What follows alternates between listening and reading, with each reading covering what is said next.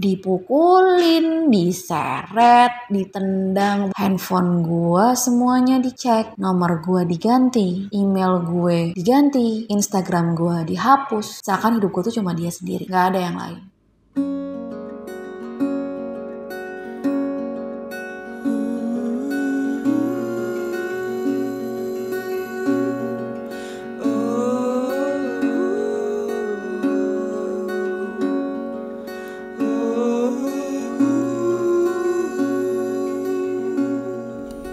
Selamat malam. Balik lagi di Mata Laki, podcast sudut pandang mata laki-laki. Apa kabar kalian? Mudah-mudahan lo dalam keadaan baik, sehat, dan bahagia, ya. Ingat jangan stres-stres lah. Seperti biasa gue bakal tayangin sesi curhat tentang pandangan hidup atau pasangan dari sudut pandang mata laki-laki. Seperti kita tahu, kalau badan capek ya istirahat. Begitu pula otak dan mental kita nggak usah terlalu dipaksain kalau terlalu berat. Kalau masalah lo terlalu rumit, dilepasin aja. Dan kalau lo nggak tahu cara lepasinnya, gampang. Lo curhat aja di mata laki, gua dan pendengar siap dengerin masalah lo dan masukan lo kalau memang ada. Kenapa kita kudu curhat, Bray? Riset membuktikan menurut psikiatri dan ilmu perilaku dari Stanford University, Dr. David Spiegel, curhat atau mencurahkan semua isi hati ke orang lain membantu meringankan beban dan mengurangi stres atau depresi. Jadi tunggu apa lagi? Ketik atau record semua keluhan lo, terus kirim ke matalaki 2021 at gmail.com. Gua tunggu ya. Coba berlari selembut Melewati celah di antara titik hujan Halo mata laki, perkenalkan nama gue Rara, Eh, gue single mom, single young mom sebenarnya mungkin ya. Gue di sini mau cerita tentang pengalaman hidup gue, mau sharing, semoga bisa jadi pengalaman buat semuanya aja, baik dari pihak laki-lakinya atau dari pihak perempuannya. Oke, langsung cerita aja ya. Jadi cerita gue berapa sekitar 4 tahun, oh, kurang lebih 4 atau 5 tahun yang lalu, gue ketemu sama laki-laki ini, panggil aja namanya Rino. Saat itu gue masih bekerja di salah satu stasiun TV swasta nasional, karir gue yang bagus. Pokoknya gue sedang dalam posisi topnya karir gue, kasar saat itu. Memang lagi di zona umur-umur pengen nikah, tapi galau belum dapat pasangan yang tepat. Sempet punya pacar mau nikah nggak jadi karena keluarganya nggak setuju sama gue. Yang backgroundnya adalah gue adalah anak dari divorce, orang tua divorce, dan gue pun punya penyakit komorbid, diabetes tipe 1. Nyakitin sih itu sebenarnya. And then gue ketemulah sama laki-laki ini namanya Rino. Awalnya kita baik-baik aja, awalnya kita cocok, eh, kita bisa kerja sama dengan baik, baik dari sisi kerjaan atau apa pun sampai akhirnya hubungan kita serius. Awalnya nggak ada yang aneh dari hubungan kita. Selang akhirnya dua bulan berjalan, tiga bulan berjalan, barulah dia jujur dengan kondisinya dia. Lo tau lah ya yang namanya pacaran anak zaman sekarang tuh kayak gimana. Gue sih nggak mau bilang gue bersih-bersih banget pacaran gue. Yang pasti yang namanya EML dan lain-lain itu pasti udah dilewatin sama dia dengan jangka waktu tiga bulan tersebut. Di bulan ketiga dia baru bilang sama gue kalau ternyata dia sudah beristri. Gue shock dong. Oke, gue tanya baik-baik. Kenapa lo harus kebohongin gue? Terus kenapa juga lo gak jujur dari awal dan apa yang lo cari dari sini? Dan dia bilang sama gue kalau misalkan saat itu uh, gue nggak tega ngebohongin lo terus karena lo perempuan baik, lo nggak baik kalau dibohongin terus dan lain-lain. Oke, terus kenapa lo akhirnya mau selingkuh? Ya itu kan karena dia berarti selingkuh dong. Ya karena memang dari awal gue nggak sayang sama istri gue. Dari awal gue nggak cinta sama istri gue. Gue nggak paham sih dari mana ceritanya seorang laki-laki bisa ngambil keputusan untuk menikah. Tapi nggak cinta gitu loh itu menurut gue rada aneh gitu cuma mungkin saat itu kondisi gue lagi uh, butuh butuhnya perhatian kali ya lagi kesepian juga terus ternyata gue juga uh, akhirnya malah sama dia dengan yang waktu tiga bulan tersebut itu dibilang sayang sayang dibilang cinta cinta seakan cinta itu jadi membutakan segalanya. Saat itu dia bilang tapi gue mau menyelesaikan kok gitu. Karena gue sayangnya sama lo karena gue cintanya sama lo. Oke itu cuma basa-basi busuknya dia sebenarnya. Saat itu ya udah akhirnya gue mencoba untuk menjalani aja ya. And then selang dari situ tiba-tiba beberapa minggu kemudian dia jujur lagi sama gue. Kemarin jujurnya sudah beristri. Jujur yang kedua adalah dia bilang istrinya lagi hamil. Itu petir dong buat gue. Gue pun seorang perempuan sadar diri. Gak mau ngambil hak siapa pun saat itu. Sempet sadar sebenarnya saat itu kasarnya. Gue bilang katanya lo gak cinta. Katanya lo gak sayang sama istri lo. Terus kenapa lo bisa hamil? Kenapa istri lo bisa hamil? Gitu. Lo tahu jawaban dia cuma bilang karena istrinya yang maksa.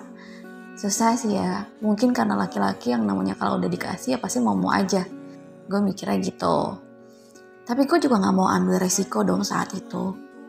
Akhirnya ketika gue tahu istrinya hamil ya udah and then gue mundur memang cara mundurnya gue dari dia adalah drama ya nggak jujur gitu nggak bilang kalau gue nggak mau punya pasangan yang uh, bentar lagi mau punya anak bla dan lain-lain gitu adalah gue bikin drama kayak hmm, pura-pura gue nggak bisa nerusin, gue nggak mau pacaran lagi dan lain-lain gitu. Tapi jadi drama lah. Case close akhirnya kita putus. Laki-laki ini tuh nggak nerima. Laki-laki ini tuh nggak nerima. Setelah dari sama dia, gue sempet ada hubungan lagi sama pacar. Ah punya pacar lagi lah kasarnya ya. Tapi ternyata nggak berjalan baik saat itu. Nah, ternyata pada saat gue lagi berhubungan sama pacar gue ini, selang beberapa waktu setelah gue putus dari dia gue itu kayak diikutin sama dia gue nggak tahu apakah orang ini bisa disebut psikopat atau enggak pada saat itu cuma gue cukup shock juga jadi fair-fairan aja pada saat itu ketika gue masih bekerja di media itu gue sering event yang keluar dan tiba-tiba dulu dia kayak ngirimin foto-foto kalau dia tuh lagi di situ juga gitu loh terus tiba-tiba dia, dia ngirim gue email yang tentang soal diri kita dan dia bilang dia mau expose, dia mau ngancurin hidup gue, dia mau share itu ke semua orang sekitar gue. Itu cukup shock saat itu gue. Dan akhirnya gue coba tuh mendiamkan, gue coba mendiamkan selang beberapa bulan. Gue pacaran sama setelah sama dia sih kurang lebih cukup lama ya. Ya ada mungkin mau 9 bulanan. Cuma akhirnya kita nggak jadi juga gitu karena memang ada ketidakcocokan. Nah, mulailah kehancuran hidup gue datang setelah gue selesai dengan lelaki yang kedua ini. Jadi mungkin udah cukup lama nih gue gak ketemu sama Rino. Sekitar 4 atau ya enggak deh lama ya. Nah, adalah kali ya 9 bulan sampai anaknya pun akhirnya melahirkan lah ya. Kayaknya gue, kayaknya kalau misalkan gue nggak salah ya sekitar hmm, April 2017 ya April Mei 2017 gue ketemu sama dia lagi mungkin memang ada perasaan yang belum selesai ya. Cinta cinta belum selesai belum kelar. Ketemulah lagi gue sama dia. Kondisi gue sudah sendiri ya. Kondisi gue sudah single saat itu. Awalnya datang ketemu dia hanya cuma pengen hmm, silaturahmi aja. Cuma pengen say sorry di masa lalu. Nih gue caranya nggak baik untuk pisah sama lo awalnya saat itu. Tapi ketika ketemu semua itu tiba-tiba jadi berubah gitu tiba-tiba dia menceritakan bahwa masih ada rasa berapa dan lain-lain. Terus dia bilang gue sudah menyelesaikan sama istri gue. Itu gue sudah ngurus uh, gunung gini bla dan lain-lain. Seperti itulah gitu terkesannya bahwa dia pun sudah selesai yang gue tangkap saat itu. Beberapa hari setelah dari situ setelah ketemu kita komunikasi lagi. Dan kita jalan lagi. Kita jalanin lagi. Cuma saat itu memang ada yang aneh bulan April kita jalan lagi. Saya sekitar dua bulan atau tiga bulan itu dia jadi oh, pacaran tapi kayak nggak pacaran sih gitu. Salahnya gue saat itu adalah tidak mengkonfirmasi apakah memang dia sudah selesai atau belum oke? Okay? saat itu. Seharusnya kan kalau memang sudah selesai ada bukti secara hukum dong gitu. Gue minta saat itu tapi saat itu kayak ada aja gitu alasannya gitu. Iya nanti dicari. Iya nanti diurusin. Selalu kayak gitu. Terus di tiga bulan itu kan April nih gue ketemu sama dia nih gitu kan. Ya kan perasaan masih ada sayang masih ada cinta masih ada. Tapi kok dia kok sikapnya dingin ya sama gue? April Mei Juni Juli. Kayaknya sepertinya empat bulanan lah gitu. Kayak gue punya pacar tapi hidup gue tuh seakan sendirian saat itu. Di kantor gue ada satu laki-laki yang ternyata uh, punya uh, rasa ketertarikan sama gue lah kasarnya.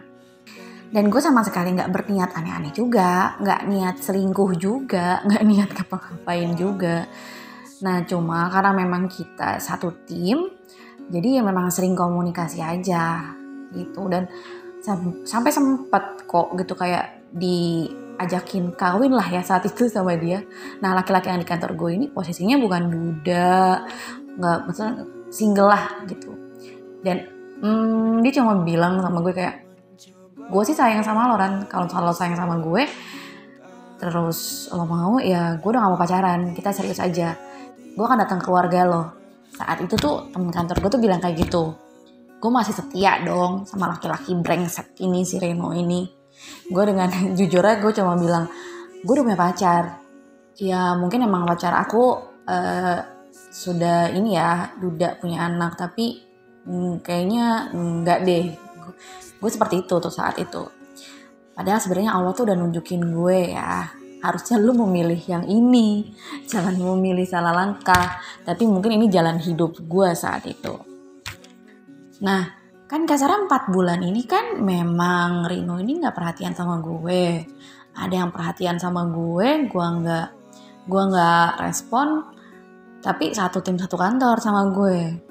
Satu waktu empat bulan setelah Rino uh, pacaran sama gue tapi nggak perhatian tiba-tiba dia jadi orang yang bener-bener perhatian. Bener-bener protektif. Dan itu aneh banget yang namanya nggak biasa megang handphone nggak pernah ngejemput apa pun dan lain-lain tiba-tiba handphone gue diobrak abrik dicek. Kerjaan gue itu marketing ya. Di mana gue banyak ngelobi klien gitu loh banyak bicara manis sama klien. Nah dia ngeliat uh, laki-laki ini chattingan sama gue.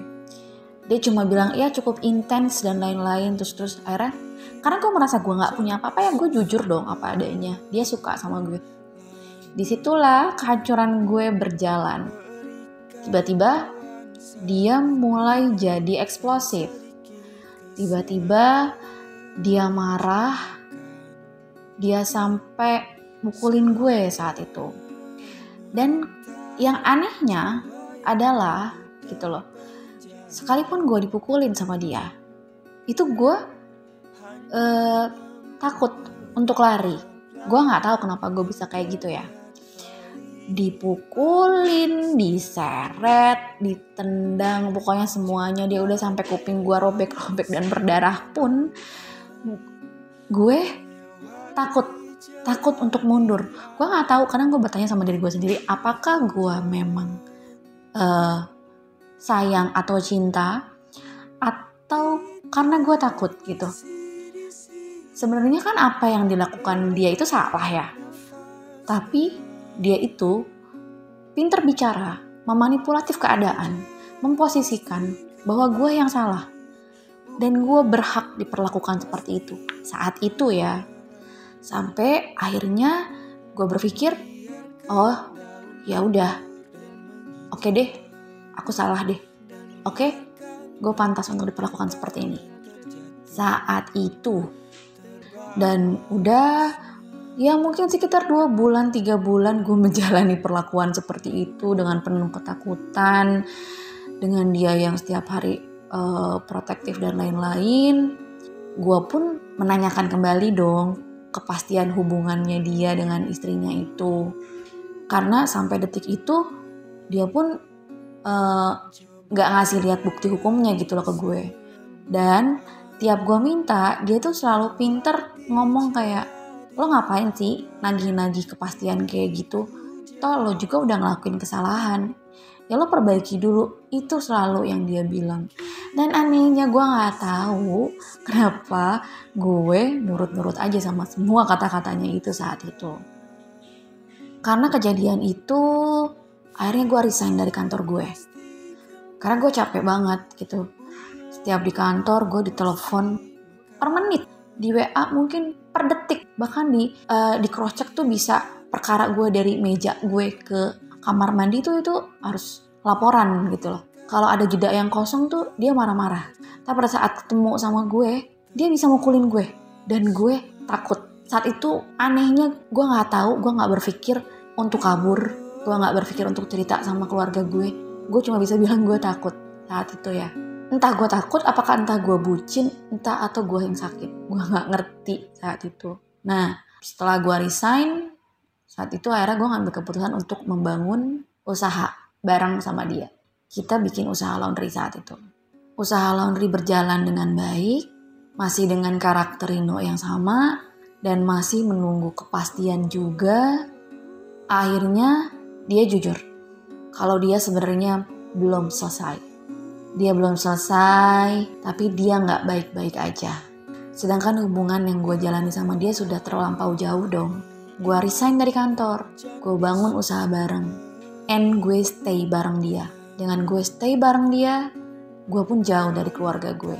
Handphone gue semuanya dicek, nomor gue diganti, email gue diganti, Instagram gue dihapus. Seakan hidup gue tuh cuma dia sendiri, gak ada yang lain. Pada akhirnya kan dia cerita kalau dia belum selesai ya. Tapi meskipun dia belum selesai, dia selalu mencari pembelaan di mana wajar kalau gue belum selesai. Gue masih nunggu nih, sikap lo ini pantas atau tidak untuk gue jadikan pasangan masa depan menurut gue seorang laki-laki yang benar seharusnya nggak kayak gitu sih lo menuntut dari yang ada di depan lo sekarang sempurna dulu baru lo tinggalin yang belakang itu brengsek gak sih? Menurut gue sih brengsek. Sekarang gue ngomong gitu. Kalau saat itu tuh dia ngomong gitu nggak ngerti kenapa ya. Jadi kayak oh berarti gue harus lebih baik ya. Gue itu sudah melakukan yang terbaik sih menurut gue sama Rino ini. Dari semua hal yang gue lakukan gue resign dari kantor kita bangun usaha bareng karena gue tahu karakter dia itu memang lebih ke entrepreneur ngakunya. Terus uh, gue juga menjaga dia dengan baik gue juga deket sama keluarganya gitu loh. Meskipun selalu ada keraguan juga di dalam hati gue kayak ini salah deh sebenarnya yang gue jalanin gitu. Makanya gue selalu berkali-kali nanya lo sebenarnya baik-baik aja apa enggak? Kalau baik-baik aja gue mundur. Kalau nggak baik-baik aja ya cepat diberesin. Karena kan semua perempuan butuh kepastian apalagi buat lo laki-laki yang punya anak perempuan dan nakal itu inget ya sama anak perempuan lo gitu loh apa nggak takut suatu hari nanti anak perempuan lo akan melakukan hal yang sama sama teman laki-lakinya gitu karena terkadang kita kan nggak tahu ya doa mana sih yang diijabah sama Allah ketika perempuan itu lagi sakit hati itu sih Nah ini kan masih membahas tentang uh, perjalanan kita ya. Dan ternyata ada kerikil lagi nih, bukan kerikil sih sebenarnya batu gede. Jadi ternyata selama kita membangun laundry, selama dia memulai hubungan lagi sama gue berbulan-bulan yang lalu itu, dia itu masih menjalin hubungan lagi dengan perempuan lain. Selingkuh lah kasar ya, sama mantan lamanya, mantan lamanya sebelum dia menikah gitu. Cuma gue pikir ya udahlah, gue anggap itu hilaf. Karena gue selalu berpikir gitu, nggak mungkin yang namanya laki-laki tuh emang udah pasti brengsek tapi brengseknya juga semua mungkin tahu aturan ya tahu masanya dia berubah nggak mungkin dalam rumah tangga lo puluhan tahun laki lo nggak selingkuh tuh tuh nggak mungkin. Itu pasti ada namanya laki lo tuh kegoda sama perempuan lain.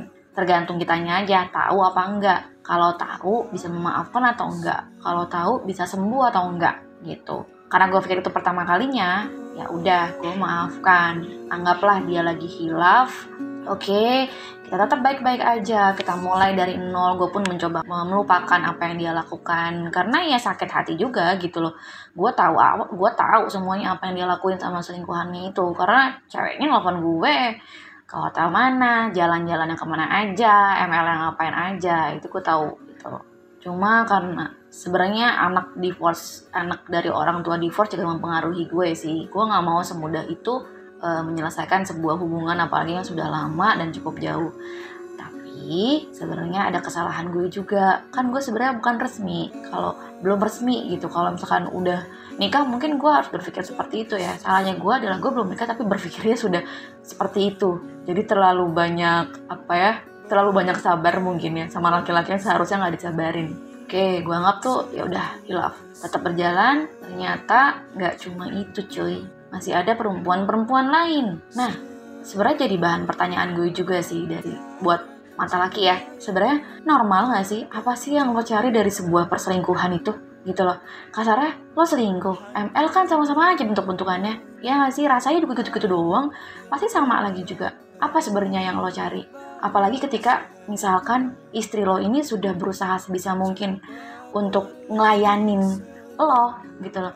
Gue diajarin sih ya sama teman cewek gue gitu. Kasarnya kayak lo sebagai perempuan ya jangan cuma nuntutnya doang ngelayanin makannya apa. Kasarnya di kasur pun lo harus tahu sukanya suami lo apa maunya apa sukanya pasangan lo apa enaknya pasangan lo itu diapain dan itu kayak kasarnya jadi kayak oh gitu ya oke okay, gue perempuan harus kayak gitu. Terus dan lo masih bisa selingkuh tuh lo nyari apa sebenarnya? Itu sih yang gue tanyain. Lo bayangin laki-laki ini Rino ini sama istrinya belum selesai sama gue juga belum ngasih kepastian eh dia selingkuh lagi sama dua apa tiga perempuan kali ya? Ya mending kalau selingkuhnya cuma jalan doang. Tapi ini ML-ML juga di hotel A, B, C, D itu pun gue tahu gitu loh itu kenapa ya? Apakah emang semua laki-laki begitu? Atau mungkin ada penyakit mental dari beberapa laki yang dia butuh diakui akhirnya jadi dia berlaku seperti itu? Itu yang gue pengen tanyain sama mata laki. Karena kan kayaknya udah cukup banyak pengalamannya ya untuk hostnya. Kayaknya bisa kasih tahu sudut pandangnya seperti apa. Gitu sih. Akhirnya gue memilih single mom pun karena gue punya anak dan anak gue.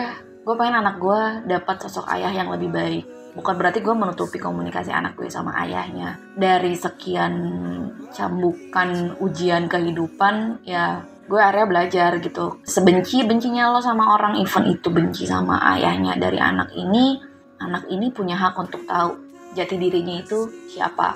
Tapi gue sebagai seorang ibu kalau mental gue nggak baik-baik aja gimana gue bisa ngerawat anak gue mental gue harus baik dan gue harus sehat. Itulah kenapa gue akhirnya memilih untuk jadi single mom. Karena gue nggak mau hidup dalam toksik dalam lingkaran setan dalam harapan minta kepastian tapi nggak bisa dikasih kepastian dalam harapan pengen dikasih keadilan tapi nggak bisa juga dikasih keadilan. Lebih baik jadi single fighter terus berusaha semaksimal mungkin buat anak sendiri dan ngebuat anak itu bangga sih sama gue gitu.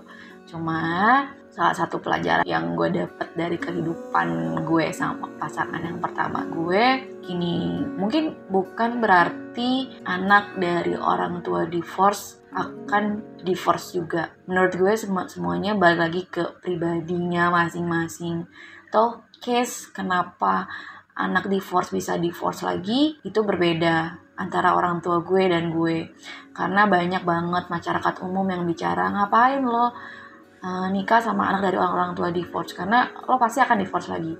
Padahal itu semua itu berbeda, berbeda karena justru biasanya mereka jauh lebih dewasa dan gak mau ngulangin masalah yang sama. Gue milih divorce, masa iya sih lo mau bertahan terus sama laki-laki yang cuma bisa nyakitin lo? Masa iya lo mau bertahan terus sama laki-laki yang ngasarin lo, yang mukulin lo, yang namparin lo, cuma gara-gara lo salah karena hal sepele?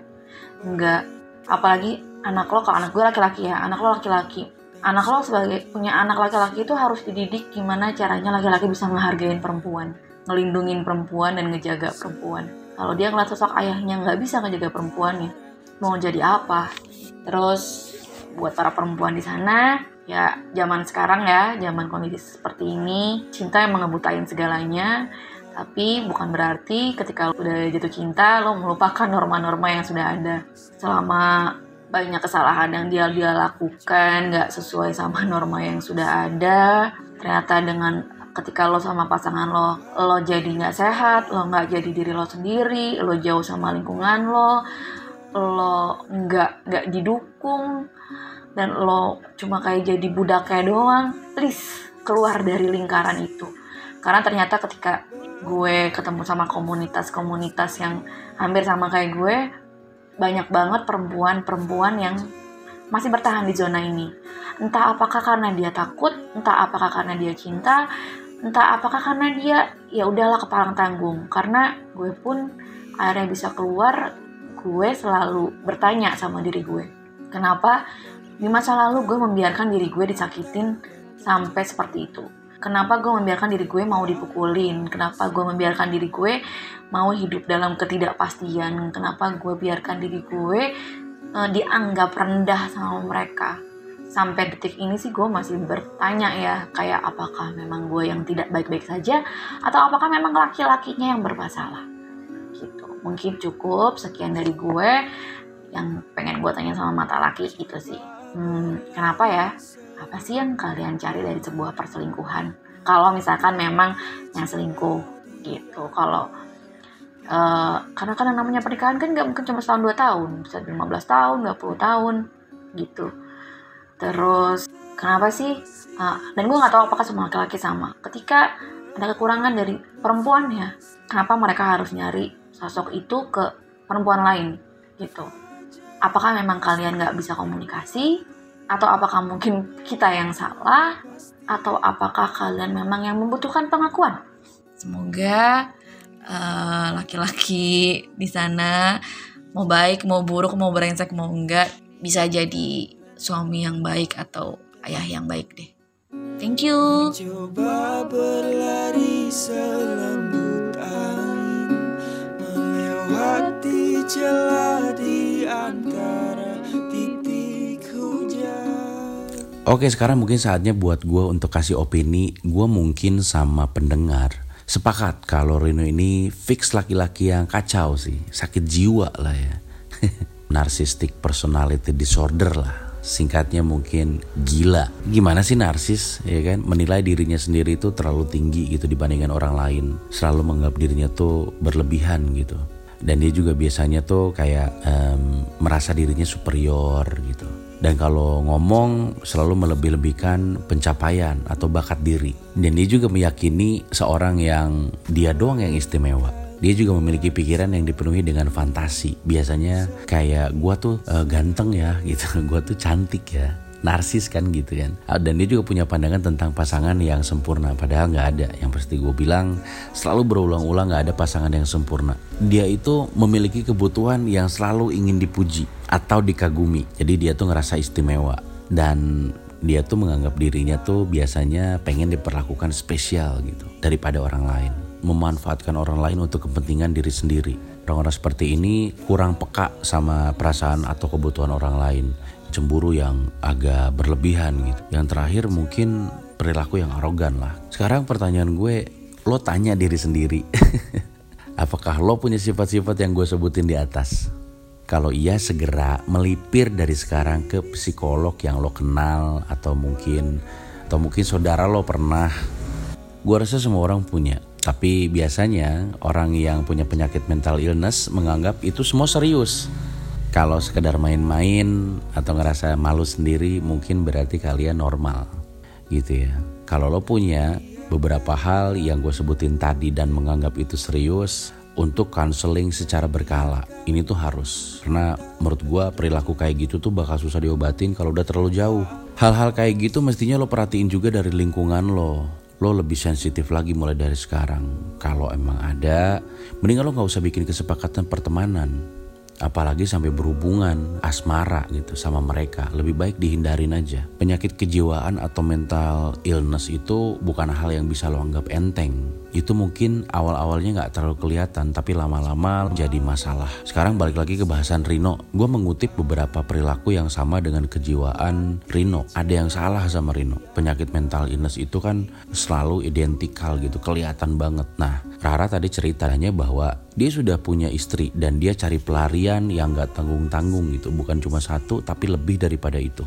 Yang kedua, dia bohong di setiap statusnya berkali-kali, bukan cuma sekali. Ketiga, dia mengancam Rara dengan berbagai cara, termasuk mau share data privacy mereka berdua ke ranah publik. Padahal faktanya, kalau orang normal atau orang sehat secara kejiwaan, dia pasti mikirin dirinya sendiri juga, selain orang lain kan gitu ya. Kalau Rino mengancam seperti itu, Tentunya dia harusnya tahu kalau dia share picture itu bukan cuma Rara yang malu tapi dia dan keluarganya pun ikut malu. Kalau dia nggak peduli berarti dia memang sakit jiwa. Bener gak sih? Oke, yang keempat. Rino ini nggak ngebiarin Rara hidup normal kan.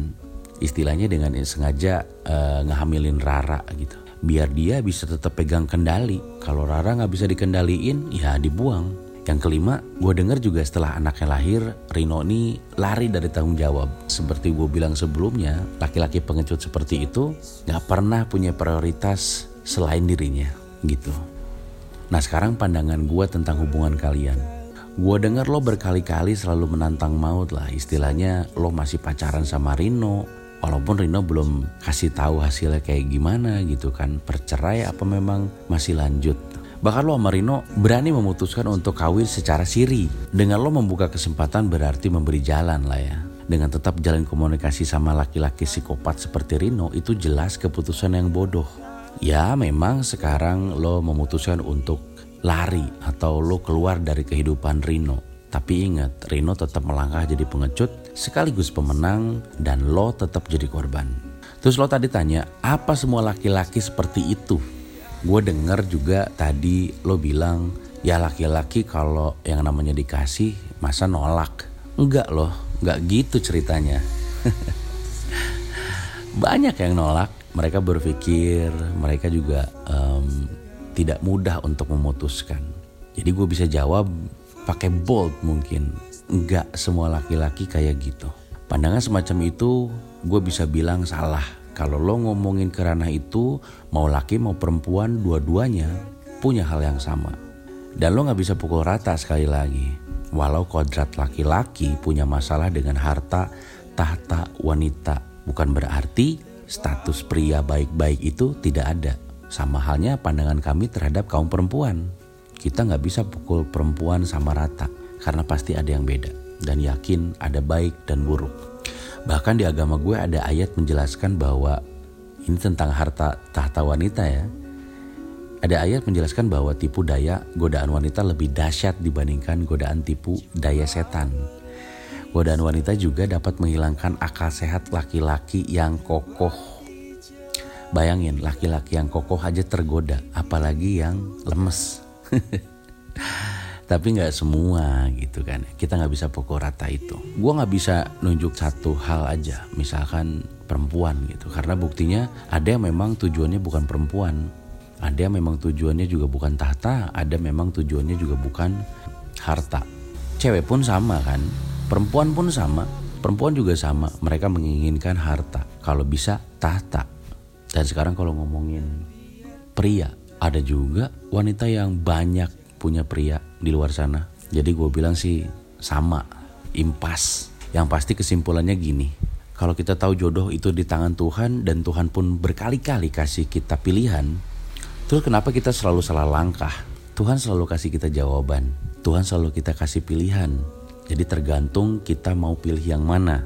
Gue yakin laki-laki yang sehat secara rohani nggak bakal melangkah jauh ke arah sana. Begitu pula dengan perempuan. Gue punya banyak temen yang bahkan cukup banyak yang setia dan gak berani main gila sama perempuan atau laki-laki lain. Sekarang kita bahas status hasil dari divorce. Status dari hasil divorce bukan sebuah patokan takdir seseorang. Di agama sudah dijelaskan takdir manusia itu berbeda-beda. Mungkin kalimat bijaknya adalah tidak semua takdir kita pahami. Beberapa hanya perlu diterima dan meyakini itu baik. Gue ulang ya. Tidak semua takdir harus dipahami. Beberapa hanya perlu diterima dan meyakini itu baik. Walau rata-rata orang hasil divorce, mental memang sedikit berbeda. Mereka memang punya jalan yang sedikit menyimpang. Tapi bukan dalam artian buruk ya. Pandangan mereka jauh lebih jelas dari rata-rata orang biasa mereka tumbuh dan terdidik dari salah satu sisi saja, faktanya dari sisi ayah atau sisi ibu. Jadi fase mereka berevolusi di lingkungannya itu biasanya jauh lebih cepat daripada rata-rata orang yang tidak mengalami divorce gitu orang tuanya. Dan hasilnya juga selalu jadi dua arah ya, ini mengarah jauh lebih baik mandiri atau sebaliknya. Walau cara mereka mendalami trauma tersebut biasanya membawa petaka agak sedikit berbahaya gitu. Mereka tuh berani untuk melakukan hal yang lebih berbahaya daripada orang standar. Tapi sekali lagi anak hasil divorce gak semua rusak. Gua yakin dan kalian juga percaya itu. Sekarang mungkin banyak pendengar lemparin satu pernyataan. Pertama, Rara adalah pelakor, dia sudah dapat karmanya.